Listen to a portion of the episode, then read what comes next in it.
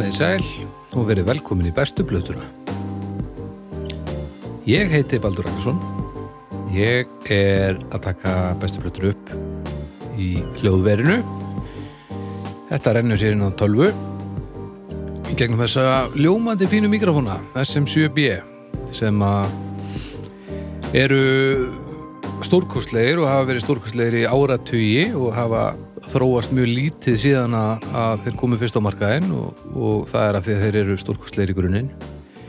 Sennilega hvað, þekktastir fyrir að hafa verið notaðir bara í uh, allt og ekkert meir og minna á thriller eða ekki? Eh. Velkomin Haukur. Uh, ég er með tvo gesti hjá mér hérna. Annars verður það mikrofónspekulandin Haukur Veðar Doktor í mikrofónu. doktor í mæ- mækum hvað segirðu? Ég sé príðilegt, þú vil skrítið að ég sé kynntur inn hérna á undan Arnari. Ég Já, að það er bara þegar maður á svona stórkostlega smá og uppábrot. innihaldsríka innkomu þá er erfitt að hunsa það Nei, mitt. Nei, ég veit ekkert um mikrofóna, en, en ég veit það að hljómgæði hafa ekki verið vandamál hér hjá hljóðkirkjunni. Nei, og tel ég að uh, það sé bæði sambland af, af, af gæða mikrofónum og, og svo hæfileikum þínum sem að ég held að séu tölverðir.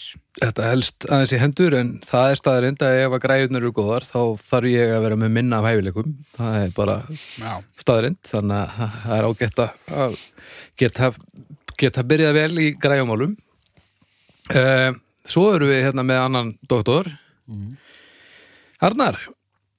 Blessaður, Gott að sjá þig Baldur. Sömuleiðis. Alltaf. Hvernig finnst þér þessi, þessi mikrofónar? Mér finnst það rosa góður. Ég, hérna, ég er reyndar mjög lélegur í að tala í mikrofónu Já, eða rétt í það sko. Já, þú, þú ert hérna sveimugi Sveim, Ég sveimhug í, mik í, í mikrofónu Já, við þyrftum eiginlega að vera með svona þér ef við ætlum að halda þér þokkalega stabilum sko, en, en það er þessi dýnamík sem við erum að leita uh, að með þig sko. sko. En þe þe þetta eru nú mjög Já, já, og ég þekki merkið sko. Já, já, sjúr. Já, já, já, Já, já, já. Þetta er gott út já, já, þetta er nöfn, nöfn, nöfn sem ég svona kannast við og hérna erum við með röði hérna staflif Já, já, hér er bara hér er bara rjómi á, á rjóma ofan hreinlega. Um, Gaman að sjá ykkur báða. Sömuleiðis. Velkomnir hérna í, í hljóðkirkjunar um, Takk. Áður en við myndum okkur í verkefnum dagsins þá skulum við nú tala um nokkra hluti. Hljóðkirkjan, til að byrja með. Uh, Hvað þáttu ég að tala um? Ég að tala um eitthvað sem byrja á D já, Dómstafur Er ekki tveir fulltrúar dóms Við erum hérna með, jú, jú, ég og Haukur erum báður í dómstegi og við erum á mánudögum og eins og ég sagði því þar síðasta þætti var það ekki? Þá fór þáttur 150 í loftið hérna fyrir tveimur vikum, þannig að þáttur 152 fór í loftið síðastliðin mánudag. Og það hefur nú allir líkinum verið tímum út þáttur eins og þeir flestir.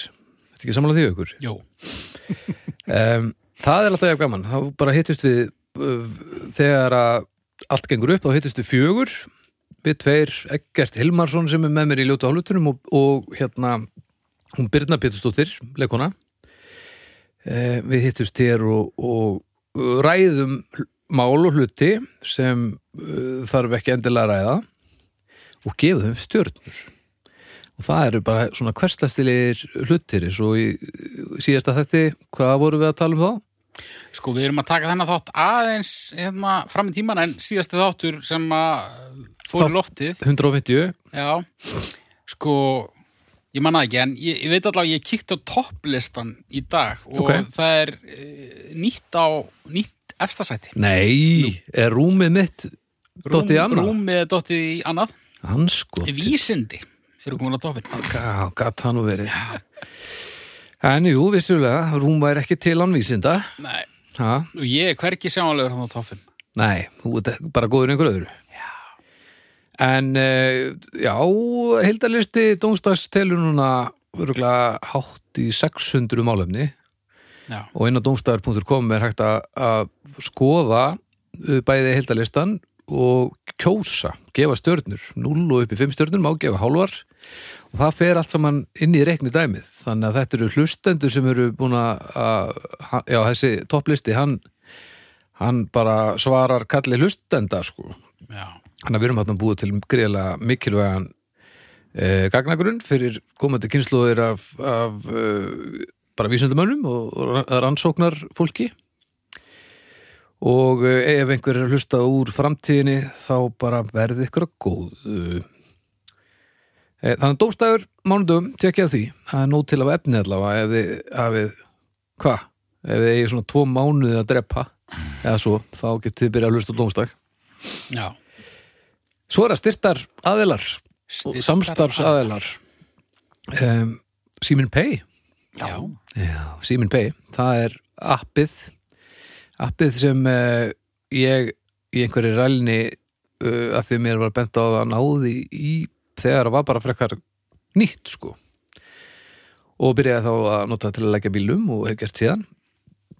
En nú snýst þetta svolítið mikið um uh, það er hægt að gera svolítið margt annað en innin það er bæði hægt að, að taka lán og, og ræða þeim niður í, á mismunandi langa tíma og, og hægt að fá lán í ákveðin tíma bara vaksta löst það er bara eitthvað pínu lántökugjald og, og en annars er maður bara að sláði aðeins og fresta maður staðanir er þannig að maður get ekki eins og ég er núna bara að spila PlayStation 5 og uh, ég gat ekkert kift hana þegar ég kift hana sko. En ég er eins og er ekki að borga mikið meira fyrir hana. Það, það munar alveg ofbóðslega litlu, þannig að þetta, þetta hjálpaði mér þar. En svo eru líka alls konar tilbúð það er hérna, veitingastæðinir eru að koma sterkir hann inn og það er þetta að skoða tilbúð í gegnum appið og svo eru líka svona vikuleg lettkaups tilbúð breytileg, þar fær maður alveg framúrskarandi góða díla á, á hlutum og þessi tilbúð eru engungu aðgengileg í Simin Pay appinu. Og það skiptir engu máli hvar þið e, eruð í símaðurskiptum þið getið nota þetta app alveg burt sér frá því. Þannig að, þannig að þið tapið ekki á því að, að ná í Simin Pay og, og tekka allavega á því hvað þetta hefur upp á að bjóða Er þú notar símin pay? Verð þú sérð og segir vei. wow, Mjög gott. holy um, moly aðeins hvað sagði Ég get ekki endur tekið þetta. sko. Nei og svo voru líka bara svolítið, sko, þetta voru stuðlar í setni línu og, og sko Ég var ekki að gera þetta fyrirfram, sko. Ég var bara ekki og að aftast. þig og reyna að klambra saman ykkur sem rýmaði. ekki nóg með sko að það voru stuðlar í setni línu heldur voru of langt á milli þeirra líka Já, En ég meina, þú veist, uh, það er ekki eins og við höfum verið að reyna, sko En Simmi Pay, já, tekkið þessu og Viljið að ég komi með fyrirfram ortar vísur. Ég get gert það, sko. það væri Þær verða bragfræðilega réttar en uh, þær verða mögulega svona ofpældar og, og þar að leiða til verri. Baldur er að kíkja í tölvuna til að aðtóka hvort að ég er að koma með forortar vísur. Ég er bara að tökka hvað þú værir á topplista skálda uh, í dag Já, mitt. Fórum á á ljóðskáld.is og, og þú ert því miður Ég ekki á topp 5 þú Ég og Sjón hann það bara. Já, haldast hö- hönd í hönd eh, En nei, Simin Pay tek ég á, á því indislega apparati Þetta er helvíti hressandi. Svo er það bónus. Hvað rýmar er bónus? Nákvæmlega nú reynir á maður. Ég skal bara byrja á að tala bónus er náttúrulega búð sem að allir þekkja. Og ég fór í bónus í gær. Og í gær var sunnudagur. Það var að því að ég var að halda uh, upp á eins árs barnaðamæli já, og ég mátti gera svo vel og redda nokkrum hlutum sko hálftíma áður og þá kom sér vel að, að, að hann alltaf fyrir langoft að stutta kera í næstu bónusverslun. Og svo fór ég inn í búðin og ég vissi nákvæmlega hvað hlutinir voru sem ég ætlaði að finna. Og ég fór bara og fann þá og svo var ég bara komin heim kortir í. Ekkert mál. Ekkert og ég er svona alltaf í einhverju svona business dóti þannig að ég er mjög oft leiðileg kallin sem byrður nótu á kassanum eitthvað svona haldið tönum bókald fullkonlega vanhæfur. En í gæri var ég að hraðferð fór ég hérna sjálfsargreðsluna Já. djöfull er þetta fljótlegt. Já, já. það var ægileg röð, nóturöðin. Það var svo, að að voru mörg afmæli greinlega sko. Og ég hefði, hefði allir vilja drepa mig ef ég hefði beðið um nótu í, í rauðinni sem var í gær. Ég fór á eitt svona kassa og ég var bara þetta, ég, með eins og ég hefði væri að stela, ég var svo fljótur út Ég uni mér alltaf mjög vel við hérna sjálfsvæðgrislu kassana sko. já, þetta var, þetta er pínu magnað sko. Já, með músík í eirónum og, og, og, og já. Já, og þá er komin tími á vísu. Uh, vertu velkomin í bónus. Uh, vöflur, jarðaber og rjómus. Fórst í rjómus frekar en hummus? Ég, fyrst þú ætlaðir að rýma nus og mus og þú ákast að fara í rjómus. Ég var bara að reyna að vera með eitthvað þema sem Segðu- að var þá vöflukaffi já, þú fær allt í vöflukaffi í bónus. Já, já. Þú býr ekki på hummus í, í vöflukaffi Nei, en- mér langar í bónus Nei, mér, mér langar í bónus, mér langar í rjómus. Já, rjómus. Hann fæst í bónus. Fullkona blanda af hummus og rjóma sem enginn er búin að býða eftir í öllu sjár uh, Takk fyrir þessa vísu haukur. Já, verði ykkur að því. Og kannski þú komið með þær fyrirfram bara næst. Já, bara pæling sko. Já, ég, þú veist. Það þú veist, ég er bara pæling. Ég meina, þú veist, hmm, þú ræður þessu. Ég meina, Bibbi fekk ekkert einhver skáldavöllun bara fyrir fyrstu vísuna sem hann samdi. Nei, og ef hann hefði, Tók tíma. hann reyndi ekki eins og eins og þú, þú ert allavega að reyna. Já. Takk Simir Bey og takk bónus. Þið er að gera þetta allt saman svo mikið, mikið letara það er bara svo leis Jæja, Pildar. Jæja, nú erum við að fara í þátt sem að er þetta verður áhugavert. Já, því uh, þetta band hefur oft búið á góma. Já, sannarlega. Og um, ég veit náttúrulega bara það sem þú er satt mér. Ég veit ekkert umfram það. Nei, nei. Og ég held að haukur geti sagt sirka það sama eða kannski aðeins sennilega. Nei, nei, ég þekki þetta ágætlega, en ég er ekki, ég er ekki doktor í þessu. Frekar en, uh, hérna, mikrofónum og, og rjómus. uh, en þetta er sagt doktorinn, þe- þetta er doktorsþáttur. Vi, við höfum ekkert verið duglegi við að taka það fram. Þú veist, við ætluðum okkur náttúrulega að skiptast á og við höfum verið að gera það. Já, já, það skýrir sig nú yfir eitt svona og fljótt sko ég var með Brittany hérna. Brittany, við segjum alltaf Brittany, mér finnst það eðlilegra. já, já Ég hef verið gaggríndur fyrir það. að, Hlust, hvað sagður Brittany? Já, maður á að segja Brittany. Já, ok, Britney. sestu niður Britney. með og hlustar aðeins á Brittany og meðan þú gæðir er á rjómus ég hlust á Brittany, sko. Nei, En ég já. kom með Brittany og nú er komið að doktornum. Og hvað ertu með fyrir okkur? Já, þetta er rétt sem þú segir Baldur, hefur oft borið á góma Já. og þetta er einmitt hljómsveit sem ég nefnt oftast í öllum þessu þáttum að því að við höfum ekki verið að taka fyrir svona melodist punk rock eins og Green Day og hérna og Rancid og Já, já. Bad Bad Religion Religion, og hérna og þannig að eðlilega bara kemur húskir þú alltaf upp í, í, í umræðinni Mhm. og þetta er í fyrsta skipti sko allir rem hafi ekki komist næst í að vera svona veist, band sem ég gjössanlega brenn fyrir sem við tókum hérna fyrir. En þetta er auðvitað aðeins öðru í sig þetta er tiltölulega óþekkt band. Og sko ég átta mig stundum ekki á því hversu óþekkt það er af því að maður einhvern veginn hafnar í einhverju búblu með, með svona dót. En þetta, þetta er svona band sem á sér mjög svona harðsvíraðan hérna hóp aðdáanda. Já, út um heimallan sem elska þessa bandarísku hérna, þetta er svona bandarísk neðanlega rockpunk en ég Gott er, á minnist á það. Já. Þetta er ekki dönsk þetta er hljómsveit, ekki Ebba Grön eins og mjög margir halda. nei, sko, mjög margir held ég halda að þetta sé þýst út af öllum umlát stælunum En þetta sem sagt, hljómsveitin Husker Du sem, sagt, sem hérna var stopnuð í, í rauninni St. Paul sem er hérna en oftast kallað svona Minneapolis band en þetta eru hérna Twin Cities Minneapolis og St. Paul þeir eru frá St. Paul Minnesota já. og þú veist og þeir eru frá St. Paul sem er svona lagari, fátakari hlutin af, hérna, af, af þessum tvíbara uh, borgum hemma uh -huh. þetta var sem sagt sænskur og er sænskur borðleikur sem er einhver svona minnisleikur ah, og sem heitir Husker du, manstu Já. og uh, Manstu það, manstu það? Manstu það. já, manstu það. Þannig að þetta heitir sér eftir sænsku bólspili og uh, ok, en það sem ég vildi já, ég er sér satt yfir maður minn í Háskóla Íslands Jón Alli Benediktsson, rektor. Hann er mikill húskadú maður. Og ég og hann svona erum að skiptast ofta á bútlegum og erum svona að bera saman sem sagt hvernig hann söng viðlagið á tónleikum í Toronto og bera það saman við tónleika sem voru tveimur dögum síðar í Chicago sko.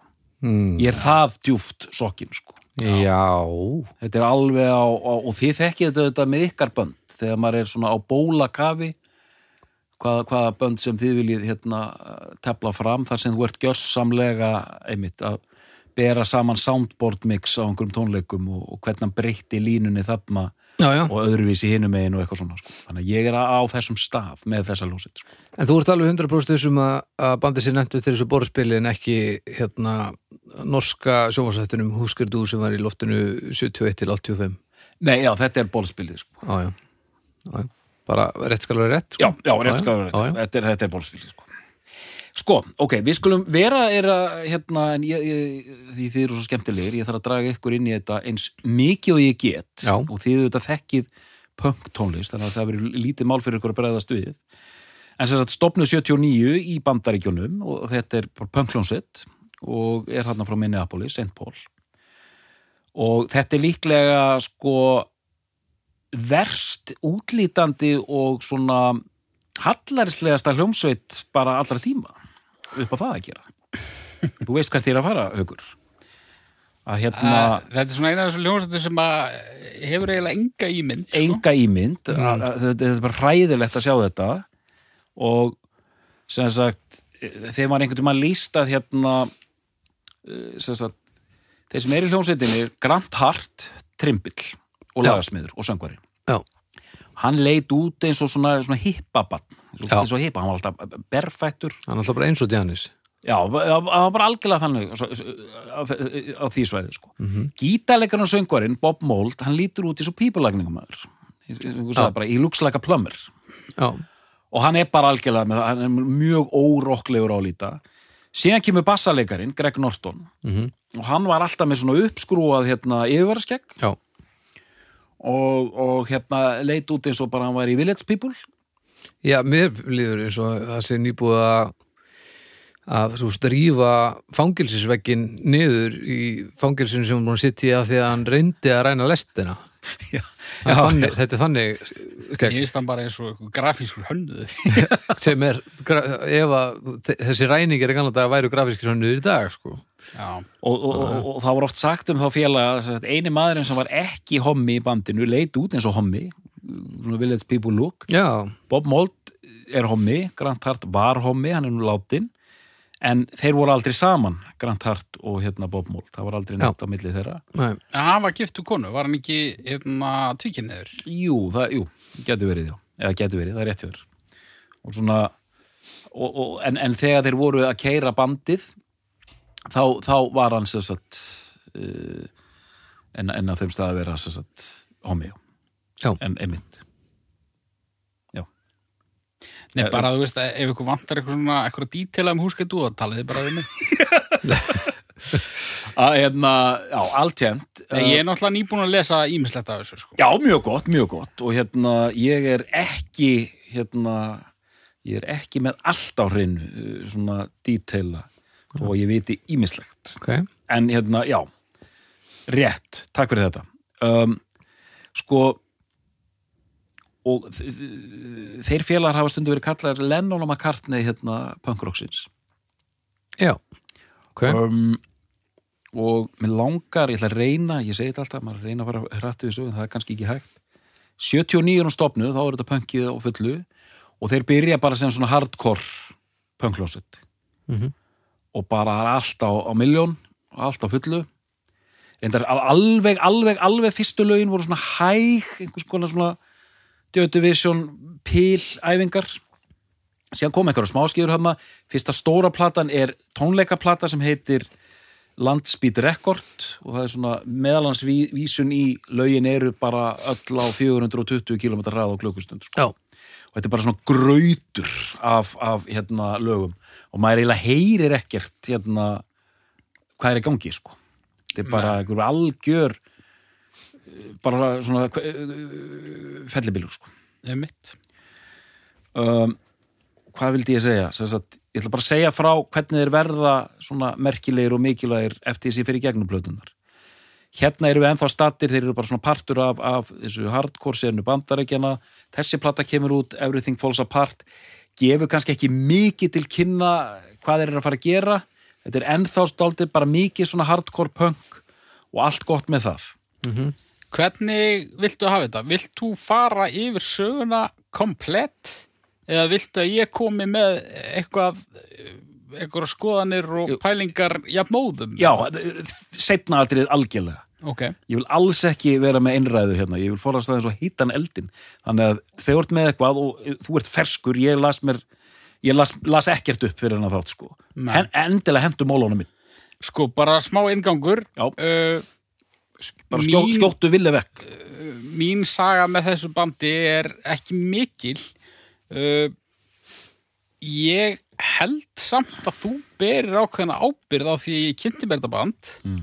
En þó áður en við kynnumst að eitthvað leiti vegna þess að sko þegar að ég og hljómsett mín morðingjarnir fórum að gefa út plötur og mér minnir að þetta hafi verið svolítið þegar við gáum út plötu 2 og 3 sem kom á 2007 og 2008 og 9 Mhm. segi þá var alveg í nokkrum plötudómu minnst á líkindi við Húskar Dú Mhm. og mér minnir að þú hafir verið einn af þeim sem það gerðuð Mhm. og mér þótti mjög aðtilsvært að sjá alltaf sama nafnið í plötudómum. Hljómsett sem ég þekkti ekki neitt. Já, já, og það í rauninni var til þess að ég tekkaði á þessu. Uh, síðan er þetta bara svona eitthvað sem ég hef tekkað reglulega á og þú veist, ég hef ekkert hérna, ég hef ekkert stundan inn á djúb köfun nei. en ég er svona, þú veist fyrir mánuðu síðan áður en að þú ákvæðast að koma með hennan þátt sko, þá hefði ég örgulega getað talið upp flestar plötunar í einhverju röð. Mhm. en hérna það var gaman að fara í gegnum þetta svona skipulega. Og einmitt þessi fyrsta breiðskífa uh, Everything Falls Apart. Já, fyrsta stúdíó. Já hún hún er bara svona basic hún, hún er mest bara svona basic punk. Já, og hérna e, og það, það voru hljómsveitir að gera svona punk betur á þessum tíma. En hún er ekkert slæm, sko. Nei, hún er fín. Ekki bara svo fyrsta betri litsomplata já, að mörgu leiti bæði lagasmíðar og sånt en hérna en einmitt, eða hefðu bara verið í þessu þá er ekkit vissum að við verðum að tala um hana hérna sko. en hérna, dregu til tíðinda hjá okkar mönnum mm.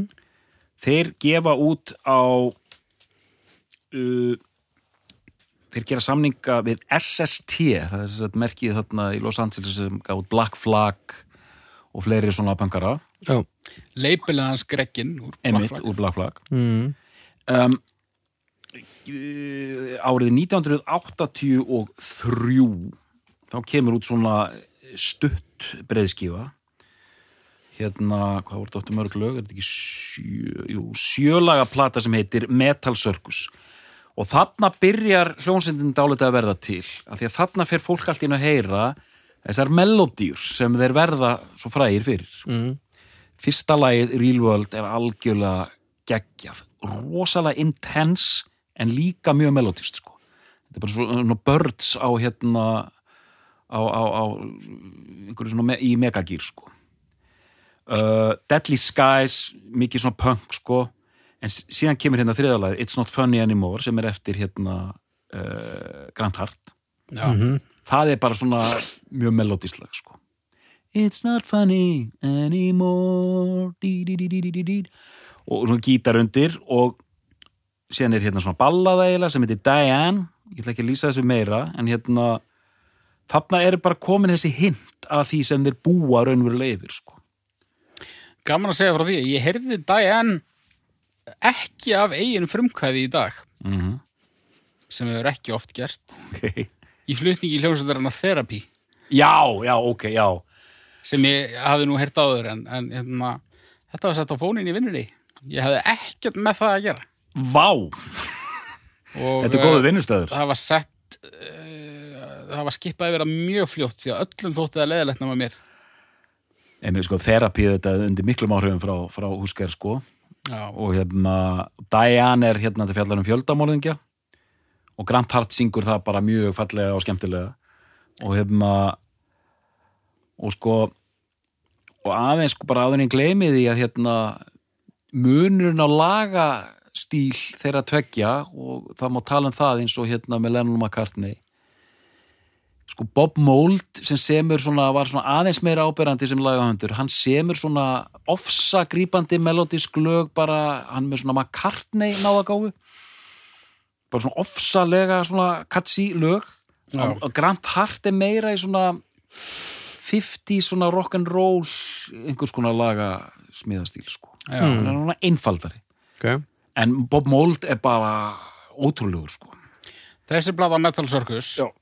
er það ekki rétt hjá mér að þarna er fyrsti vísir af þessu sem við erum við- sko það er náttúrulega risastór fíll í þessu herbyggi sem við þurfum að tala um sem er sound já, já, já, já, sem við já. kannski förum betur í síðar en þarna byrjar það þú veist, hérna, Everything Falls Apart það er bara svona hefðbundið Já. punk sound. En hérna byrjar þetta skerandi óþægilega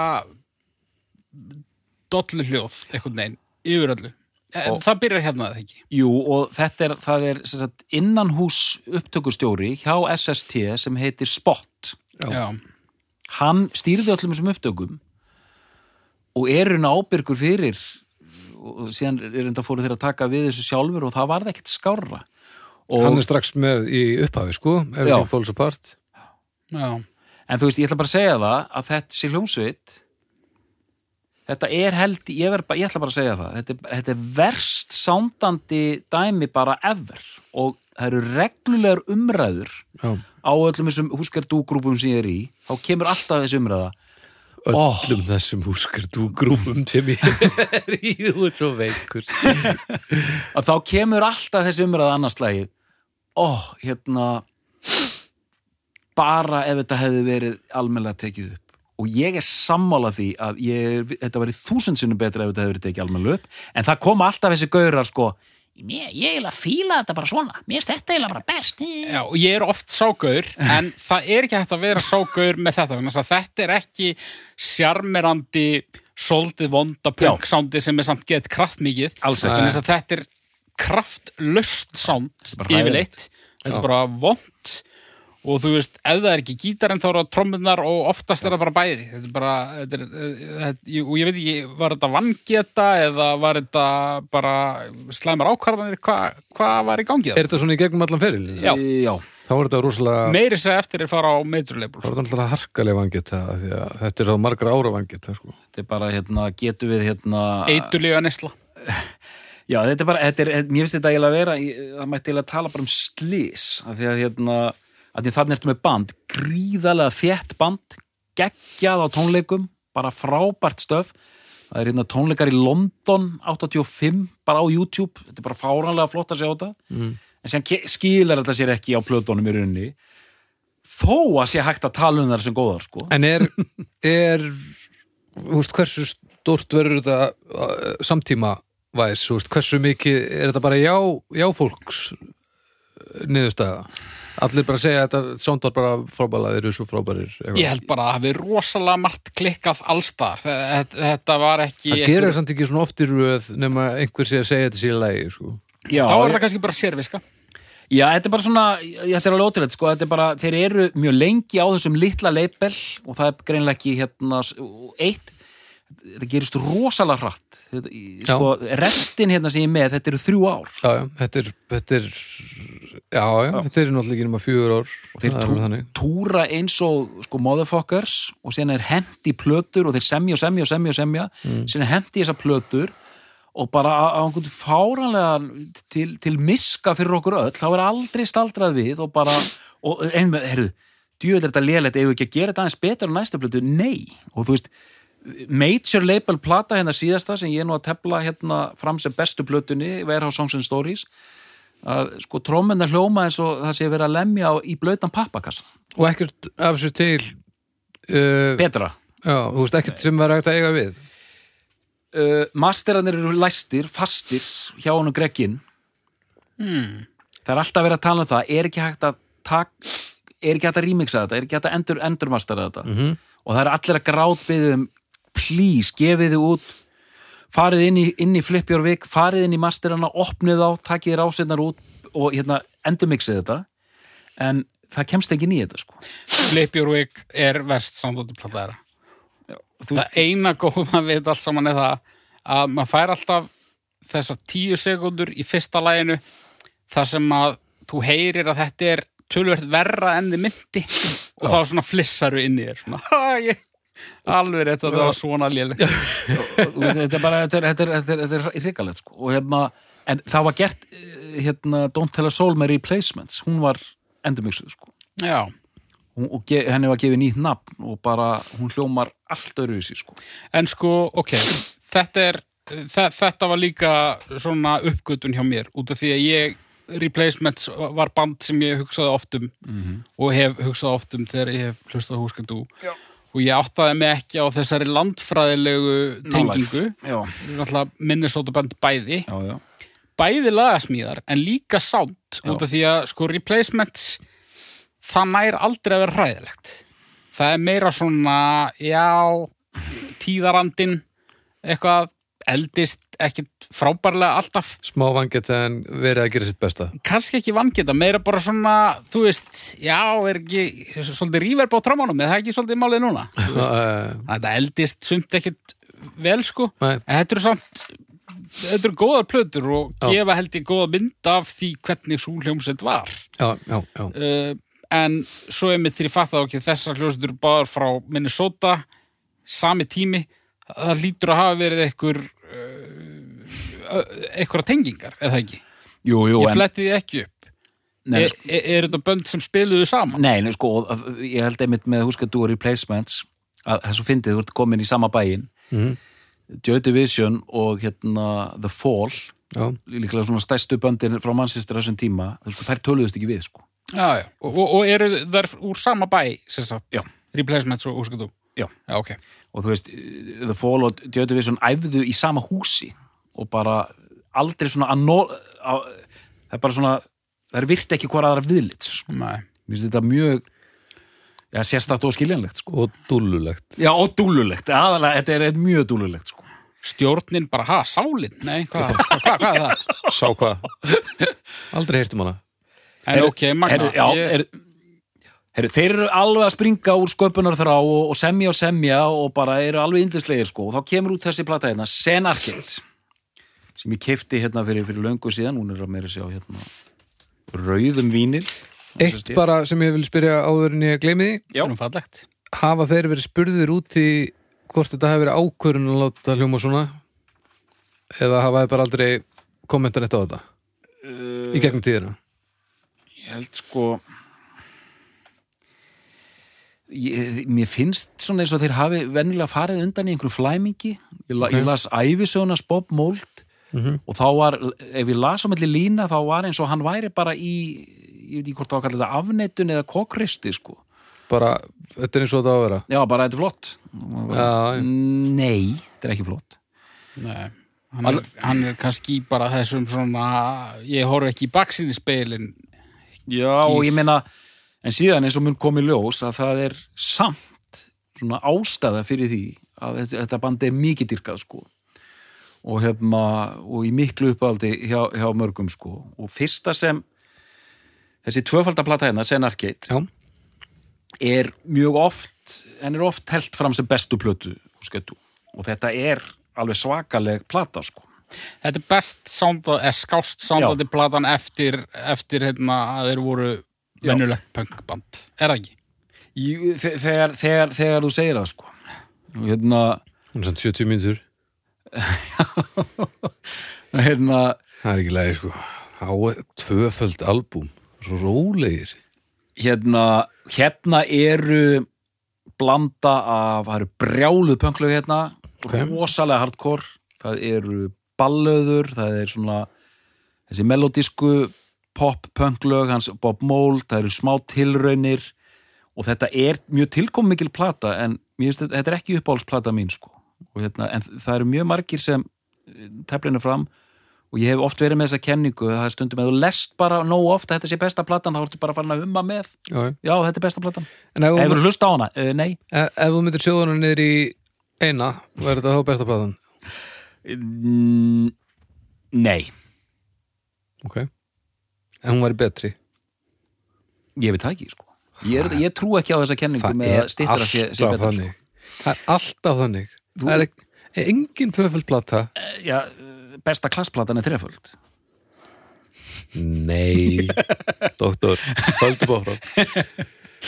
innskott og nú spyr ég bara alveg ég, ég skammast mín ef að svarið er eh, einhvern veginn öðruvís en ég held að sé en þú talaðir um eh, þú veist, ég veit að þeir semja svolítið sett á hvað Já. en ég held alltaf að Bob væri að syngja megnið af þessu Nei, nei, nei, nei, nei. eru þeir að skipta þið bara Bob syngur sín lög, það er bara þannig Grant syngur sín lög en Grant, Þannig að heyriði hvað sándið er lillegt. Ég heyri ekki munin á röttunum þeirra. Hilst þetta að vera trúbadur?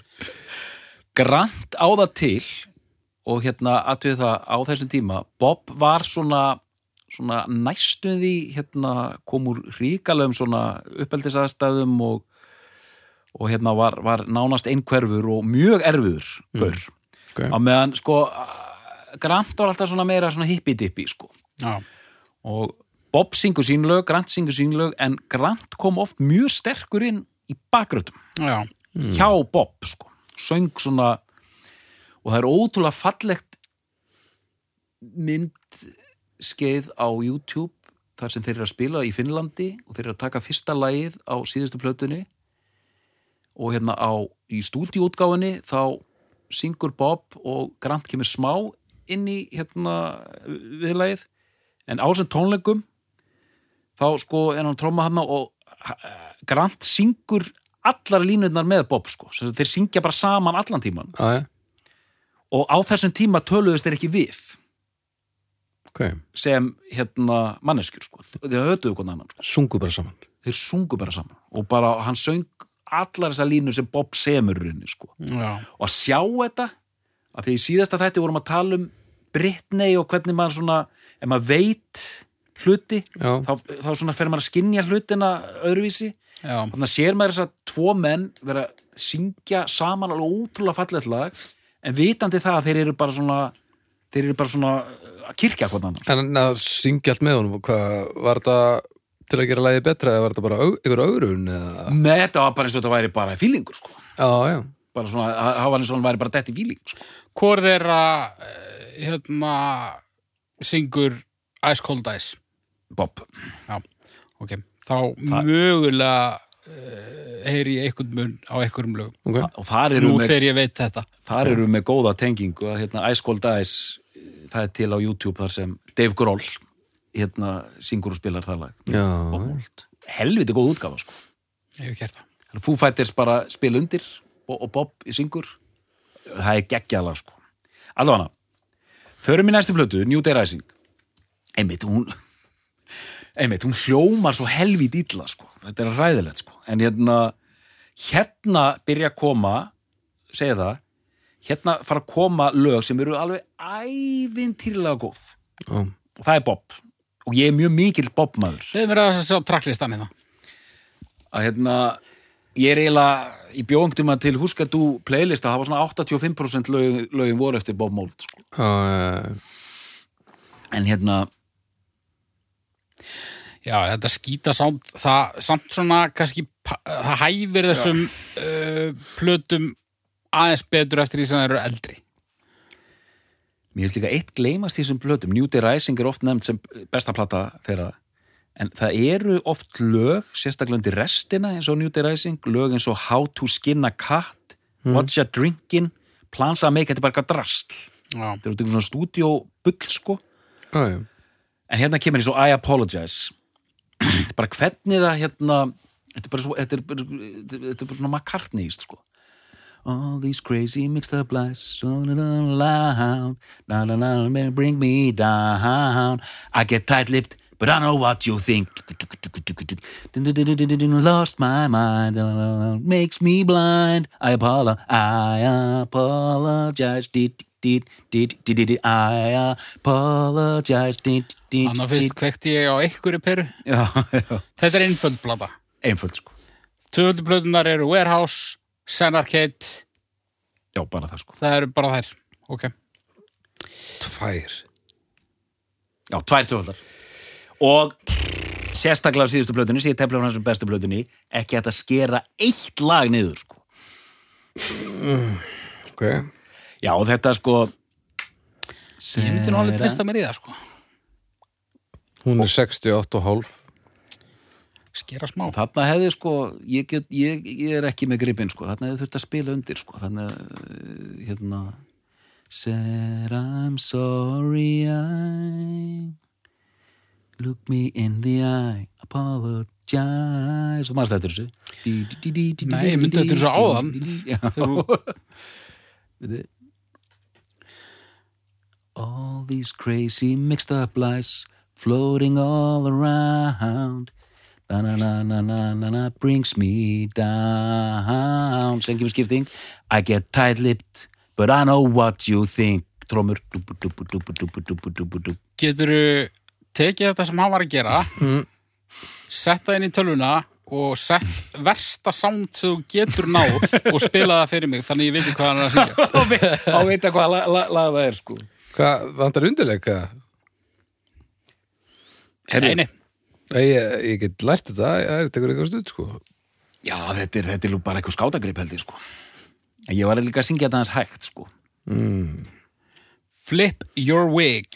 Flip your wig sko, 85 og nú er þetta að byrja að matla einhver hiti hérna í undergroundinu og að því við höfum talað um hvernig höfum mjög oft talað um hvernig ameríst neðan rock hérna þróast hvernig Green Day verða risastórir, hvernig Nirvana verða risastórir Mm -hmm.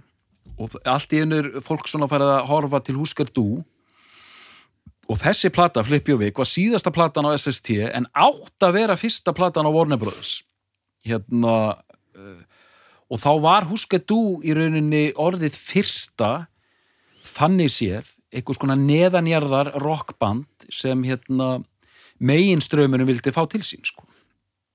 Og hérna reyna að koma betur að því á eftir þetta er svo förðulegt sko að á síðustu plötinu 87 það var reynt að fara með þetta inn í útvarpið þetta var reynt en tíminn var bara ekki komin sko.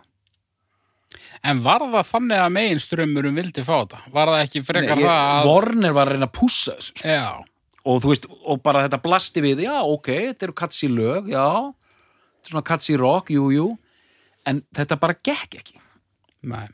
Veist, ein sjónvarsframkoma og, og, og eitt singull og, þú veist, þetta náði ekkit að verða þú veist, plötur þurfa að springa eins og Nevermind, þú veist, fimm eða sex singlar eða hvað það er skilur, þetta þarf að vera alveg hjút, sko, það gengur er, er, er, þetta gekk ekki að því að menn hafa stundu verið að væla "Ah, huska þú, þetta var bara þetta var á undan nirvana þetta átt að vera risastórt, þetta er geggjað band og eitthvað svona, sko Já. en bara þetta er ekki En það, það hefði aldrei gerst.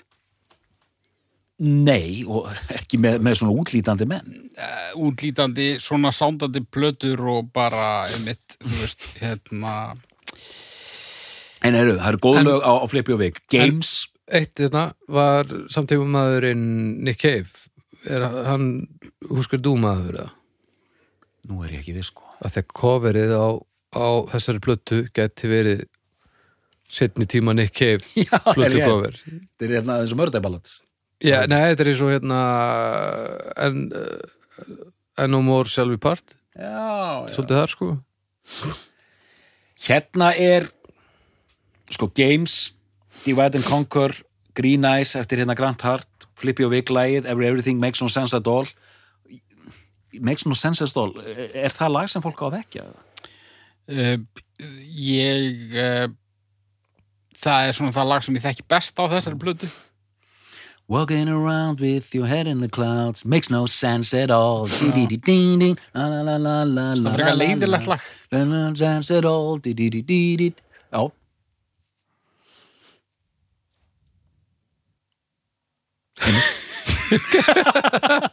Var ég að segja eitthvað? nei, nei, nei, nei, nei, nei, nei. Ég er svona hérna Það mátti heyra mm, mm, mm, mm, mm. Ég, ég, er svona, rif, ég er bara þetta upp hérna staðnum Það er svona auðlalegt já, já, já, já, þetta er svona já, kannski dálítið ódýrt en mér finnst það samt gangu upp fullkólega sem svona katsi poprock sko.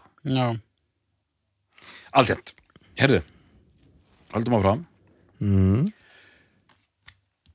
Húsk að þú gera samningu Warner Brothers. Það verður, það, verður, það er hiti í, í, í, í neðanjarðar heimum bandaríkjana Sellout Nú, kalla, nú kalla átt að fara bara selja bílfarma.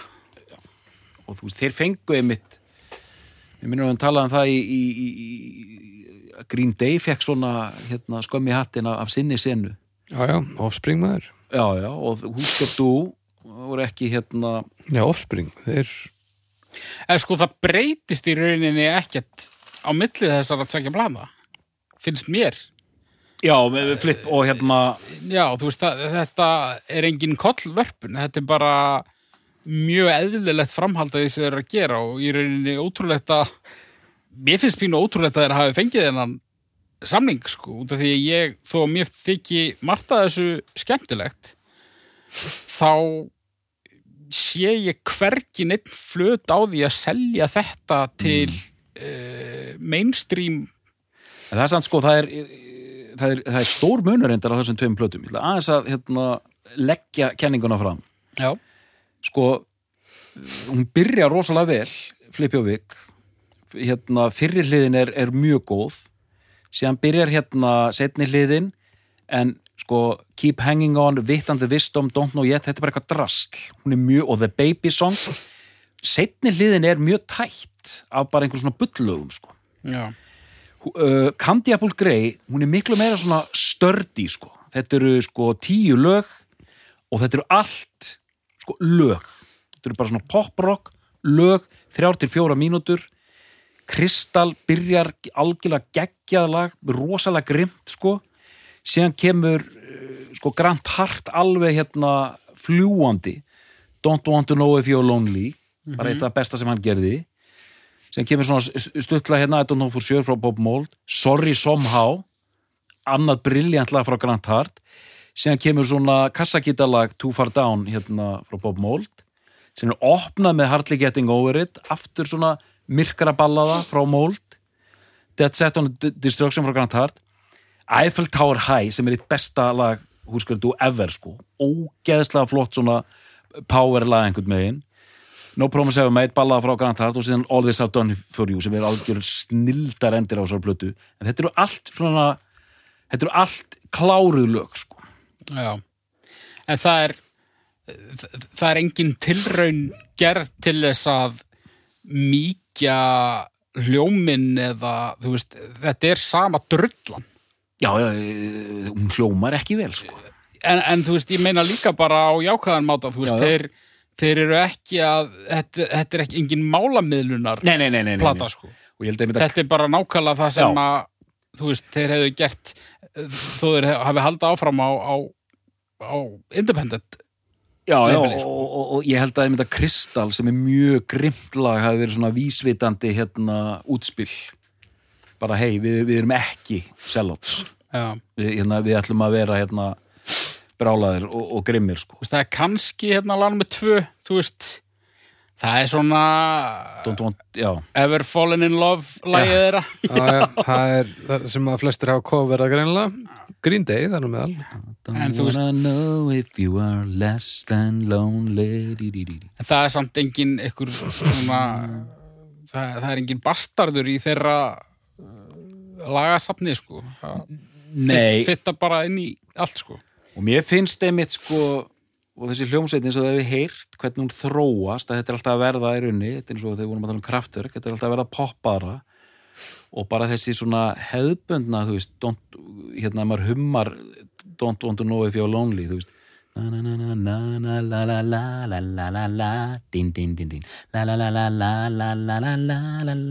þetta er þeir eru að la la að sig allan tíman sko. Þetta er orðið bara einhver, eitthvað svona voðalega bítlýst sko. síðan svo ég klári dúa minnst að kosti og þetta er nú ekki hérna, það er ekkert allir á þessu sko. þetta er síðasta platan þeirra Já. tvöföld plata þar sem þeir eru að hérna hérna ljósmyndaði hérna, Jú, jú. þar sem þeir eru farin að keppast við að semja til að eiga öruglega aðeins fleiri lög og Bob Mold var svo mikill hundur að ég held að hann er í einu lagi meira á þessari Já, Þessi myndaðum þarna, þetta er svona eins og bara eins og sé verið að kynna svona 80s tíma ferðalanga mynd. Sko öll, öll þessi baklið, hún er mjög tímalaug sko. Var þetta gefið út bara fyrir dag eða? þetta er svona já, ég bara, þú veist, maður skilur ekki alveg, alveg þessar pælingar sko. hérna og þú veist, þarna koma einhver tíu lög frá Mold og tíu lög frá hérna frá Grant Hart, cirka bát og þetta er síðasta platan sem hljómsveitin gefur út, kemur út á Warner Brothers og ástæðan fyrir því að ég vel hans bestu plötuna og eins og ég segi, mjög margir svona eru, eru, eru ekki á sama báti Mér finnst þetta að vera bara einhvers svona þeirra mest svona grand opus að lögin eru rosalega góð eiginlega bara öll Eiginlega, á þess að það eru öll. Já, svona sko Já, svona vel flest sérstaklega sko og sem kannski útskýrir þetta minn maður Bob Mold hefur aldrei verið betri en á þessari plötu þannig Ok. á hann lög sem eru bara algjör gæsa húð sko, eiginlega svona hans toppur Ok. lögina skrant hart eru síðri en einhvern veginn í heildar Uh, flæðinu og rúla vel. þá rúlar hún alveg afskaplega vel sko. Ok. og hérna ég veit ekki hvað þú segir haukur sko. Uh, gaman að segja frá því loksins að við erum sammála. Nú, Ég finnst þessi plata bara bera höfuð og herðar yfir hinnar sko. Og kannski skrifast það einhver leiti á bara það að það er rosa erfitt að komast inn í þetta band mm. en þessi plata er aðgengilegust. já, já, Uh, hún er það já margar af fyrri plötum þeirra eru melodískar einnig mm -hmm, en þessi, þú veist, þetta er bara svo húka plata. En var þetta þá uh, voru þeir endanlega stimplaðir sem sellátt? Nei, er það samt? Nei, þetta er svo furðulegt sem er að gerast sko þetta tímabil, þetta er árið 1987 það er eitthvað effort hjá Warner Brothers til að pússa þetta band Já. er að gera samning við þetta band með það að markmið að gera það á einhverju stórstjörnu og sem gengur það ekki nema hérna, gengur hún ekki Nei. og mjög svo fyndið þegar maður hugsa um tíma að þegar Nirvana slæri gegn 91 og bara svona game changer þá er samt bara fjögur á liðin Já. þessu Já. þar sem að vera að reyna að koma einhvers konar alternative rocki á í útvarpið sem gengur ekki og þá ári eftir að Nirvana slæri gegn með nefum þá stopnar Bob Mold nýja hljónsitt sem heitir Sjúkar Mm og, og þá var alltaf að segja já, Sjúkar, þið eru bara, þið hljómið eins og Nirvana bara, já, eða ég bara húska þú sko. En Sjúkar var miklu meira svona einhvern veginn streamlined allt rock dæmi og öðruvísi hljónsveit en Husker og í millitíðinni Hver aðeins stofnar það sér? Bob Mold, Ok. Og hvað, hvað, hvernig líður þér gagvart því bandi? Sjúkar mér finnst fyrsta platan sem heitir Copper Blue, mér finnst hún mjög góð Ok. e- ekki stórkostlega en mjög góð. Síðan kom út platan sem heitir Bister, hún er fín. Uh, síðan kom út þriða platan sem ég, ég hefur leikt hlust á sko. Bob Mold fór síðan soloferil hefur örugglega gefið út svona 15 soloplötur og kom nú með hana sko, þetta er fyrsta soloplatan hans, kom út 89 þetta er Workbook. Já, ok, hann var ekki, ekki gaf sér ekki mikil, mikla pá, langa pásu? Nei, og veist einhver lög hérna hefði átt að fara inn á einhverja húskættu plötu sem kom aldrei út. Þessi platta er aldrei merkilega því hún er svona svona kammer strengja fílingur í sömu lögunum. Þetta er eiginlega svona rafmögnuð kassagítarplata einhvern veginn sko. Já, og bara vel samin lög vel upptekin vel sándandi Nei, sko. Loksins Mhm. og bara svona einmitt. Þessi mynd á honum Hann er þetta er Norman Bates bara. Og, og, og sko og sagan, ég var að vinna að Þetta er Tony Hawk eftir 20 ár. Sagan er, er, er ég var að vinna að á lagarnum hjá Steinum 15 ára gamall. Og ég bara heyrði lögin sko, og fannst Já. þau góð. Já, og ég vissi ekkert um þetta band hérna sko já, já. Og þá kom einn starfsmæðurinn upp að mér og sagði, já, þú ættir að tjekka á bandinu sem hafa verið í. Húsker þú, ég bara, já, tjekka á því sko. En, og ég man, ég hugsaði akkur lítur hann út eins og hérna sko húsvörður í grunnskóla sko? Eða, eða hvað, eða eitthvað annað sko. Já, þetta er svona mjög, órokklegasti maður sem maður hefði séð. Já, hann er mjög svona búin að vera í sömu vinnu í 40 ár aðeins ósáttur en ekki nógu mikið til að gera eitthvað í því og hérna, það er líka bara eins og hún líði ekki vel en- þessu fótó Í já. stór en, en, en það leið hún, hún leið hörmulega þetta er svona hérna, þetta er algjör svona to hell and back tími þegar hún var tekin Já. upp sko. hún leið alveg ömulega, sko. þetta var gert sko. Ok, bjó í einhverju húsi fyrir utan Chicago og A-leitn og þú veist, þetta er svona einangrunnar element sko. Já, en platan er alveg, alveg geggjuð sko. hérna, ég er endin einu sinni bara út af því að þú gaukar í að mér að fyrir þennan þátt ætti ég nú að tekka á þessari fyrstu sóluplötu og þetta er alveg fínt sko ég kafaði nú ekkit mikið en, en, hérna, en maður heyrir elementin og, og uh, en þetta er ekki afskemmtilegt nei, þetta er svona þetta er öðruvísi sko.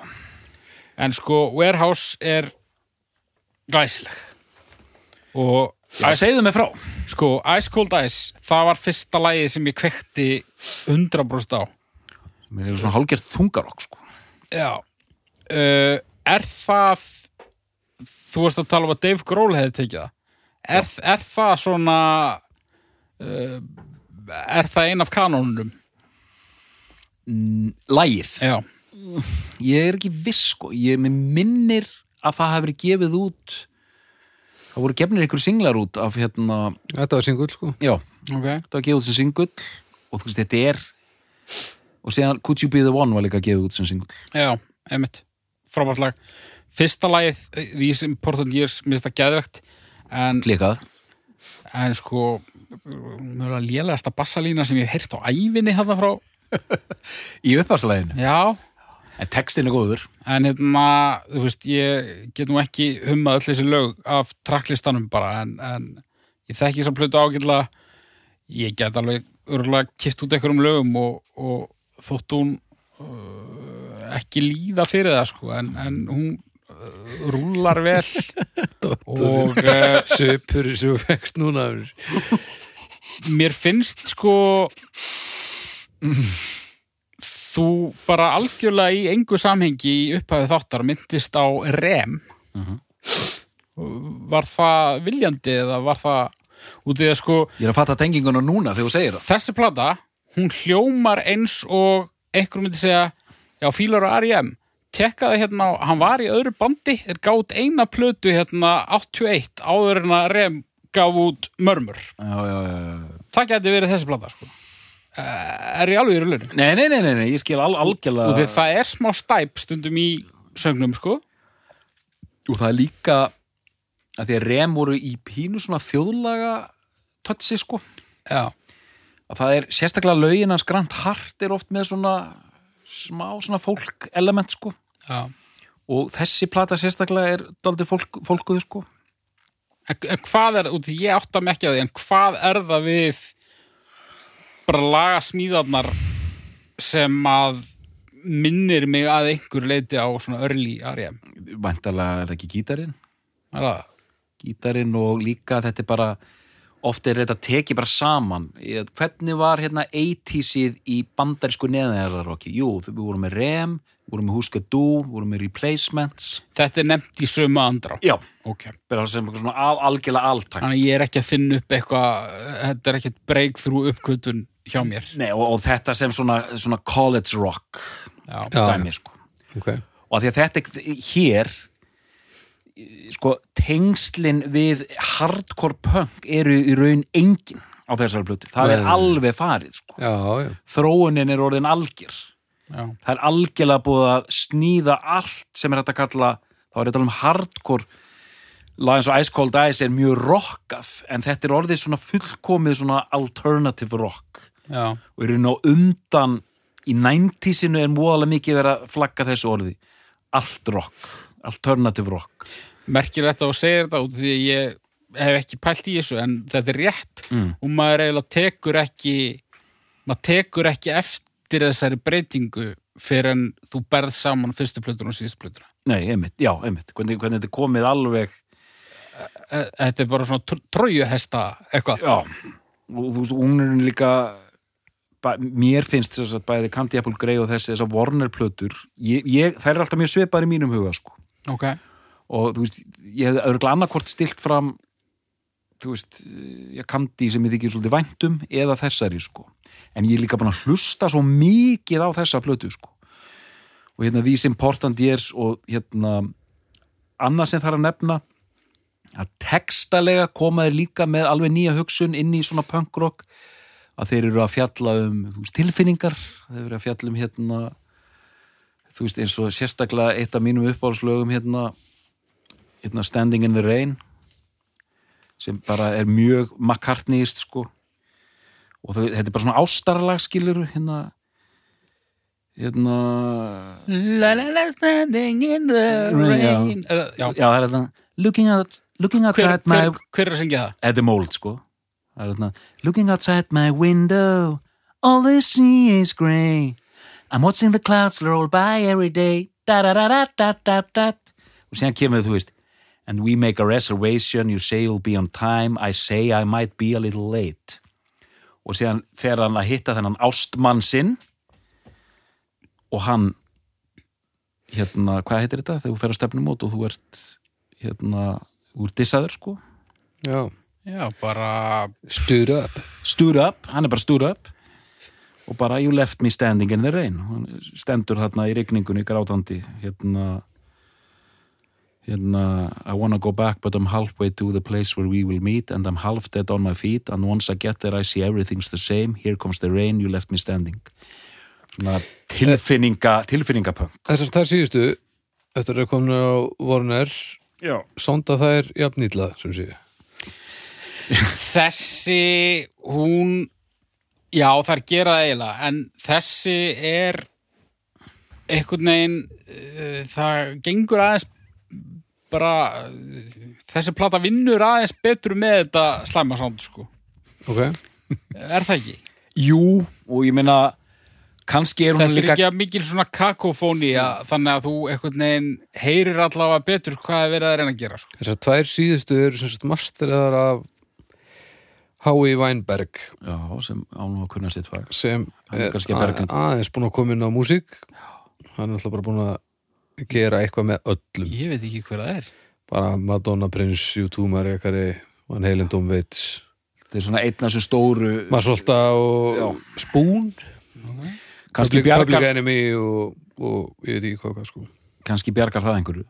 Klass, Ramstein þetta er þokkur rosa Metallica og Aerosmith þetta er þokkalegu listi. Akkur þekki ég ekki þetta nafn? Hái Weinberg, maður þekkir bara Bob au- Ludwig. aumu, já það er til dæmis uh, legend, maður Já, þekkir já. aumustu engineer á einhverjum, einhverjum vesalingaplötum. Já, ég meina hann fekk samt bara aldrei heyrði þetta. fekk, fekk bara 16 grammi þannig að ég meina, þú ættir ekki að vita neitt.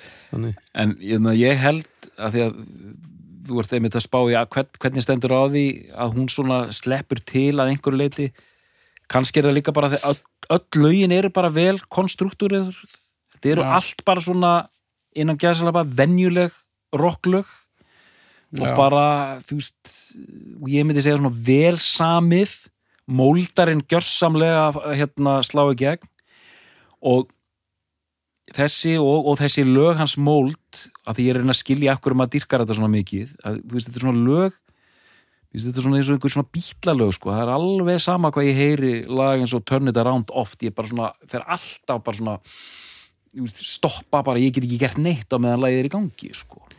Þetta fer alveg inn að rótum hjá mér og fleirum þegar maður les YouTube komment og fer inn á þessar blessu grúpur þarna. Þá eru allir bara að fara yfir um sko, af einhverju dyrkun sko. Eins og á við um hérna og maður er bara svona, það var svo gaman að fylgjast með hérna snabba hérna í Battle Legion þættinum sko, það var alveg sama hvaða plata kom, þetta var allt Ah. stórkoslegt sko og, hérna, og maður er bara á sama vagni sko En bara svona til að gera aðeins meira um brjálaðan haukur, þessi HÍ, hann masteraði til dæmis License to Ill og Nevermind. mm. Já, já. já. Svo en sko í engu samhengi sándar þessi plata vel Nei, bara svo það komum fram. Nei ég, ég var einmitt líka að velta fyrir mér, semst hann uh, masterar síðustu tvær plötur þeirra og þessa fyrstu sóluplötu Bobs. Já, einmitt, einmitt, einmitt. Og ég bara velta fyrir mér hversu þróttaðir tímar þetta hafi verið fyrir hann að fá eitthvað í hendur og bara, eiga, bara byrja master og bara "Ah!" og svo fær hann loksins þessi sóluplötu í hendur og bara, já, takk. Já. yes, já, já, að að sko hún hljómar meiri sig að sko að- ég- ekki er ég nú mikil sérfræðingur í þessu en hún svona alveg það er allt í lægi hér. Við erum með bassa við erum með sko, þú veist það, það, hér gengur allt upp. Það, það er sko heimin og haf á milli bassi, sko. djöfus, lúksus og trommunar hljóma sko, þetta er bara fáránlegt sko. Meðan sko, en þú segir í engu samingi þá hljómar þetta vel. Nei, Nei. Já, jú, kannski í því samhengi allar hinn að hljóma verð og trommunar trubla alltaf sko. það, er, það er aðalega trommunar sem, sem svona Já. fyrir töðunar mér sko. Já, og, og það er einmitt sko stundum er það bæði en þarna er það einmitt svona trommunar eru sérstaklega, það eru líka svo uh, þær sánda jafn illa á, á til dæmis Flip Your Wig en það er líka svo mikill toppur á þeim þannig að þær eru svo háar þetta er svona og eitthvað ógeðslegt reverb, þetta er ógeðslegt sko. Okay. og síðan er svona durtsháttur sérstaklega í Þetta mól er hljóðið þegar þú lemur eitthvað með handklæði í rassin Já, já. í ógeðslega stórum búningsklefa í sundi. Það er bara Það er trommasánd, sneirinsánd En já, sorry þú varst Já, að segja svona, svona, svona durtsháttur í móld, hann var alveg ömulugur sko, hérna, ég var að lesa hérna æfisöguna, svo hann tala mjög illa um félaga sinn, Greg Norton, bassalegara Já, ég ætla, það var næsta sem ég ætla að spyrja bara, hvað gekk á? Sko, þetta er ótrúlegt að lesa þetta, hérna, saga þessa bands, sko, þeir gáttu dælt út lögum og spila tónleika alveg eins og, alveg eins og eitthvað rosa unit, sko. En það verður bara eitthvað kerkja þarna á einhverju tímabili og bara hann fer að dópa mjög mikið, hann Grant Hart. Bob Mould hættir að drekka á hnefanum. Ef það er eitthvað verra en að vera fullur, það er að vera etru á hnefanum. Voru það þessi, þeir tveir sem að hötuðust? Já, sagt aðal hérna, hérna sagt uh, lagasmiðinni Svo vorum við með lestarþjóðun bara Lestarþjóðan er hérna uh, Lestarþjóðan var svona eins og í Spinal Tap hann er svona á milli and Já. ice, hann er lukewarm water sko. Já, já, já, og hann semur ekkert spila bara bassan og spila hann illa á þessari blötu ok. Og Bob Mould talar mjög illa um hann í bókinni sko, sem var, þetta var svona algjör svona cheap shots sko. Já, og maður bara svona þú veist, come on. En síðan var rosa fyrir, fyrir svona húskerfan eins og mig var það alveg dásanlegt að hann var þessi veikur, Grant Hart mjög veikur. Og þeir höfðu ekki talast við þú ert líklega að lesa það Baldur þeir höfðu ekki talast við bara í áratugi mm. Mold og Hart töluðust ekkert við bara ekkert. Það var bara hart í hart. Hart í hart. En hann er að deyja þarna einhvers staðar í Minneapolis uh, Grant Hart og þá, þá bjó hann í Berlín hann Bob Mould, hann flýgur til þessa gamla vinar. Árið er 2017 mm nær kveðjustund og það er tekin hann falleg sjálfa af þeim félagunum Shit. Og skrifar og með hvað hann er bældur og einstrengningslegur og kaldur mold, þá skrifar hann mjög fallegan hérna svona obituary um, um, um þennan gamla Brothers in Arms þannig að við húsker fólkið bara, bara gretum þegar við lásum þetta. Já, og hérna þannig að þetta er líka rosa mikil svona örlaga og sorgar og, og svona og bara þú veist ungir menn í hljómsveit og vissu hvorki uppni niður sko og allt í, í drastlengut megin en, en músíkin svona náði alltaf í gegn sko. Já, en ég, en ég segi við ykkur tvo já, er hann var hann illa farinn hann Já. hart sko hérna, en, en mold brosir þarna. Já, hérna en ég spyr ykkur tvo, mér finnst svona eins og þetta band, nú er ég búin að hérna, og þetta er fullt af svona neðan, neðanjarðar og sem fólk dýrkar og la la la la la. En bandi virðist bara ekki að hafa náð í gegn, nei. Ekki einu sinni í einhverju svona neðanjarðar pælara hópum. Jú, jú, er það ekki? Þetta er band sem ég þekkti að nafninu til öruglega bara allavega tíu árum áður en ég heyri þeim sko, Mm. mm. lengur, þú veist, þetta er hljómsett ég sá þetta í blöduskápum uh, eldri bræðra vina minna bara Já, svona upp úr 90 sko, ok, ok. Innan um Smiths og Cure og, og eitthvað. Uh, en það verðist ekki vera að lína frá það er er greinilega melodist punkrock og melodist punkrock af því það er ekki lína frá Húska Dú yfir í Green Day eða hérna, eða Bad Religion til dæmis? Í- hún er sennilega þarna en ég hefði sennilega ekki fundið þetta nema uh, þú myndist á þetta. Og kannski hefur einhver reynd að beina mér í sátt eitthvað, ég bara gerir mér ekki alveg grunn fyrir því. En ég meina það er lína, þú veist, það er augljóslega lína svo við komum bara inn á það sem ég nefndi hérna fyrst, þú veist, þegar var verið að dæma plötunar okkar. Það er augljóslega lína þarna, en það er eitthvað á Já. miðri leið sem að eh, brúar bilið milli til dæmis eins og okkar og húskar dúð því ég hefði ekki heyrt í þeim, nei, nei, nei. Þetta er svona once removed dæmi. og, Þannig að þú veist, eins og ég las á þann Green Day coveruðu húskristu úrskilur þannig að það er tenging já, en bara eins og alla hljómsveitinnar sem öpuðu eftir nirvana, ég er ekkit vissum að mikið af þeim hljómsveitum Nei, nei, viti um húsker dú sko. Að þetta er svona band sem að áhrif þeirra nær líklegast miklu lengra heldur en uh, flesta grunar sko. bara En- þegar maður fer að vinna sér tilbaka í áhrif að valda hljómsveitana sem maður fílar þá enda maður yfirleitt á einhverju mjög obskjúr en ef ég spyrir til dæmis eins og lag eins og These Important Years hvað finnst þið gott við það? Hvernig það er byggt, gítarinn, söngurinn uh, tökum það ekkert endilega út fyrir sögja mér mér finnst bara flest lögin hérna góð á svipaðan máta. Þetta eru, eru katsi melodíur mm -hmm. og mér finnst gítarspilið mjög skemmtilegt. Mm og það er svona einhver svona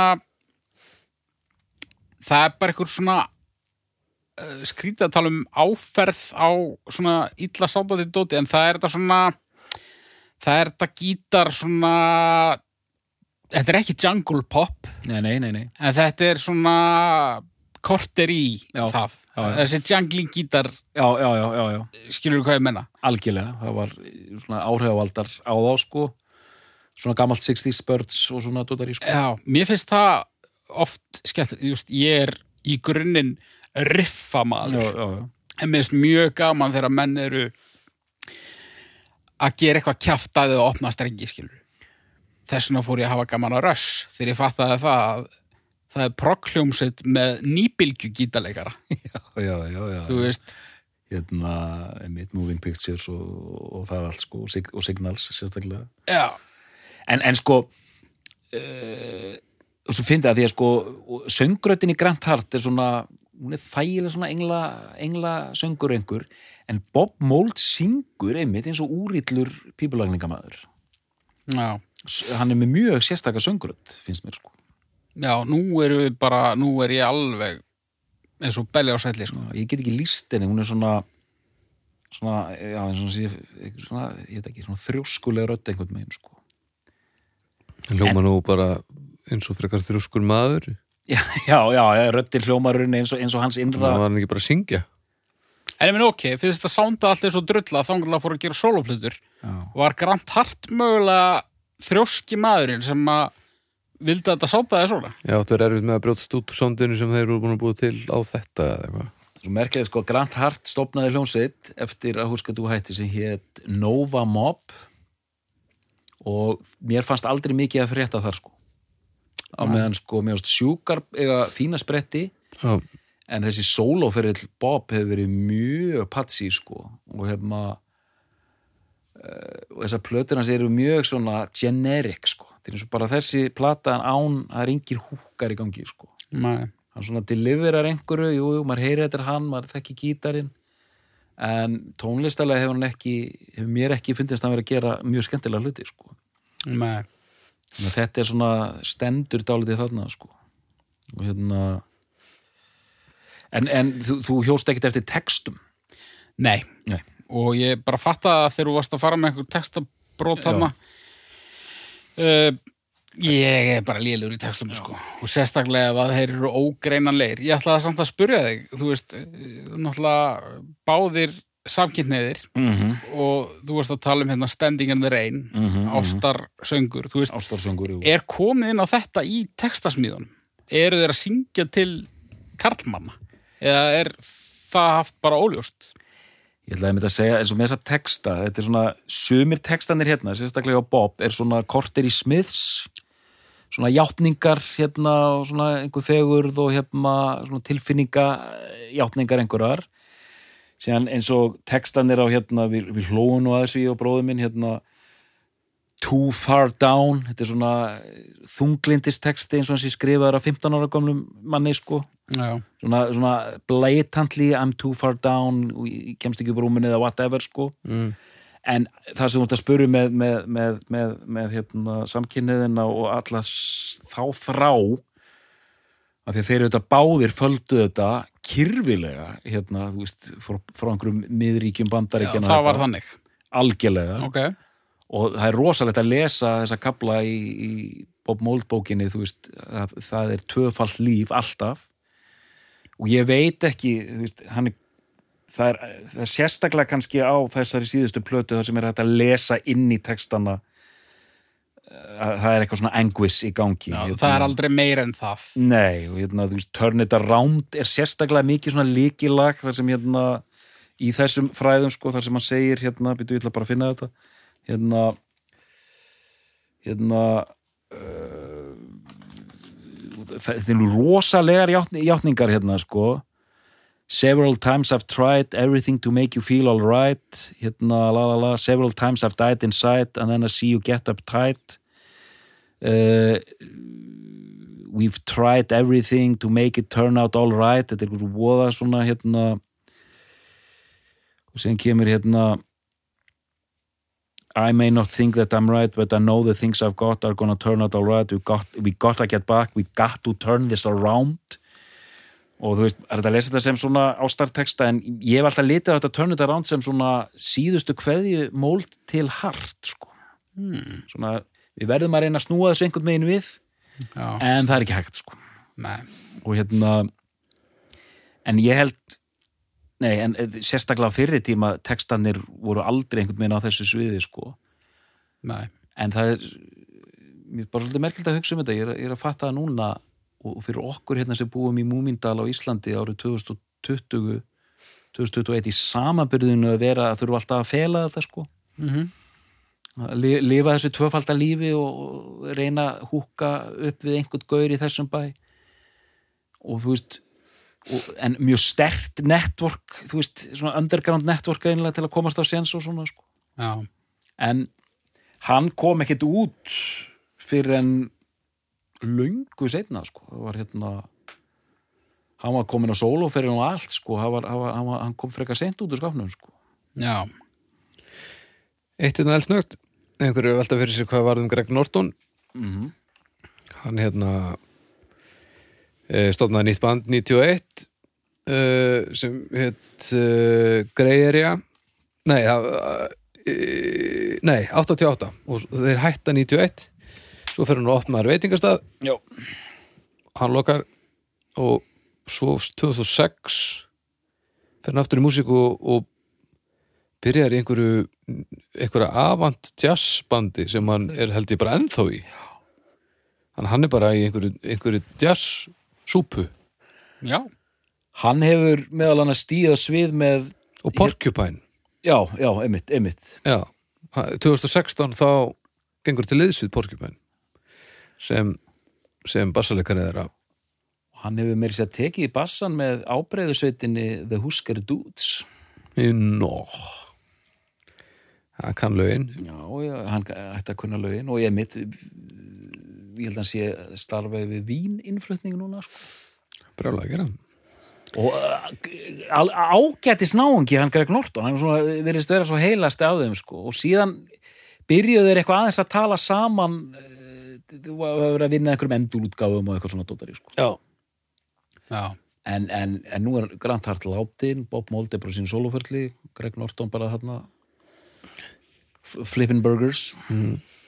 og já ég veit ekki hvað skal segja meira. Þetta er svona, já, svona e eitt af mínum uppáhaldsböndum sko. En við vorum með Bob í drikju og Grant í Já, og sérstaklega síðustu tvö árin á ferli húskerdu þá, þá var Grant komin hérna í ruglið í ruglið sko, algjörlega í ruglið komin djúft sokkin.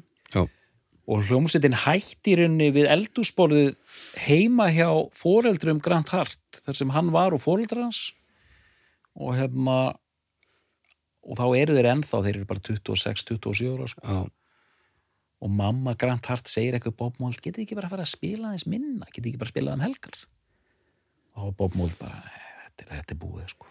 Þetta er já gengur sko Grant, ég, ég las einhver stóra á hann að Grant var að reyna að hætta á heroininu ekki. Mhm. og hann var að, að, á þessu siti þarna sem maður tekur þá. E, sem á að, að methadóni já. En það var einhver flaska sem að lag eða eitthvað. Og þannig að hann fór kóldtörki og komst allir gegnum eitthvað gig og, já, já, passar já, og hann sagðist alltaf hann hann myndi nú aldrei samt ná að klára túrinin þá var Bob búin að cancela restan af túrnum og í kjölfari þá bara þeir- laðist þetta af Já, já, hann bara, hann var orðin bara, hann gæti ekki spila lengur sko. og þeir hérna eitt merkilegt sig bæta við að síðasti túrin að þá voru þeir að túra þessa plötu Mm. þeirra á Sunset Stories og þeir spiluðu hana komplett sko. Já, það var bara fyrsta lag og sem bara öll lögin 19 bara spiluð í einni beit sko. 70 mínútur af vetting Já, en þeir spiluðu svo hratt, þetta voru orðna bara einhverjar hérna, 49 mínútur sko. Nú, og síðan, en þeir svo þetta ekki allan tíman sko. það er en hérna já, merkilegt. Já. Heyri, það er uppgjör. Haukur Ég held að sé skynsalegt að við byrjum á þér. Já. Merkileg hljósett uh, ég er uh, ekki sérfræðingur eins og hefur komið fram í þessum þætti en uh, nægilega mikill sérfræðingur til þess að hafa myndað mér skoðun á bestu plötu sveitarinnar sem ég tel vera þá sömu og doktorinn teflir hér fram. Mm -hmm.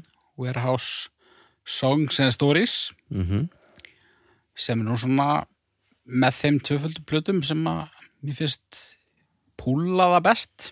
Ok, uh, lítið meira um það að segja í rauninni. Þetta er hljómsett sem að ég gríp stundum í og mun halda áfram að grípa í en ég hugsa að ég verði aldrei á sama stað og, og Arnar. Nei, nei, þetta er það var líka bara skrítið. Já. Já, en það er alveg klárlega heilmikið þarna. Doktor? Já, þetta er, þetta er mjög fyndið að maður kynnist þessu ef ég tek sóloplötunars móld með sem ég kynnist 89 þegar ég er 15 ára þá er hljónstinn bara búin að vera hætt í 2 ár sko. mm. þannig að þetta er búið að fylgja mér alveg rosalega lengi Mm -hmm. og eins og þið þekki með þessar uppáhljónsettir, maður fær einhvern veginn þú veist, þegar þetta, maður hefur á tilfinningur að þetta sé bara sami sérstaklega fyrir mig sko Mm -hmm. og maður tengir svona rosalega djúft og stert sko og við erum að tepla fram hérna óvænt útspili sem bestu plötu húskerdu að því að hérna elitan hérna mýgur mest utan í Zen Arcade og New Day Rising. Verður allt brjálað? já, ég, ég verið talin softi sko. Já, það koma svona harðir menn inn á hérna umræðahópin og saka mig um að vera veim, veimiltíta sko. Já, já. og hérna ég veit að Jón Atli er ekki samála mér, hann er New Day Rising maður sko og, og þú veist, einmitt, mikið svona snobbað fyrir þeim sko. Mhm. síðan byrjaði að verða, einmitt, strömlínulagari og poppari og með hverju plötu og ég veist þetta enda bara svo glæsilega með þessum opus þannig að ég tefli því sem fann sem bestu plötu húskar og bara já, endilega kynnið ykkur húskar dú og, og takið nú þátt í, í einhver, einhvers konar umræðum á vegnum okkar reynum að hafa gaman af þessu, takk fyrir mig. Þetta er sem sagt lærð skoðun hjá dóttornum hann vilja þessa blödu en ég vel hana bara af vanþekkingu. Ég veit ekki betur. Meðaltalega gott. Samt endur við á, á obskjúr verki í rauninni. Já, runni sko. Merkilegt. Þannig að doktor Er þetta besta plata Húskur þú? já, Haukur, er þetta besta plata Húskur þú? Arnar, er það ekki? já, þú voru að segja orðið. Já, Við þakkum fyrir í dag og við heyrumst að viku liðinni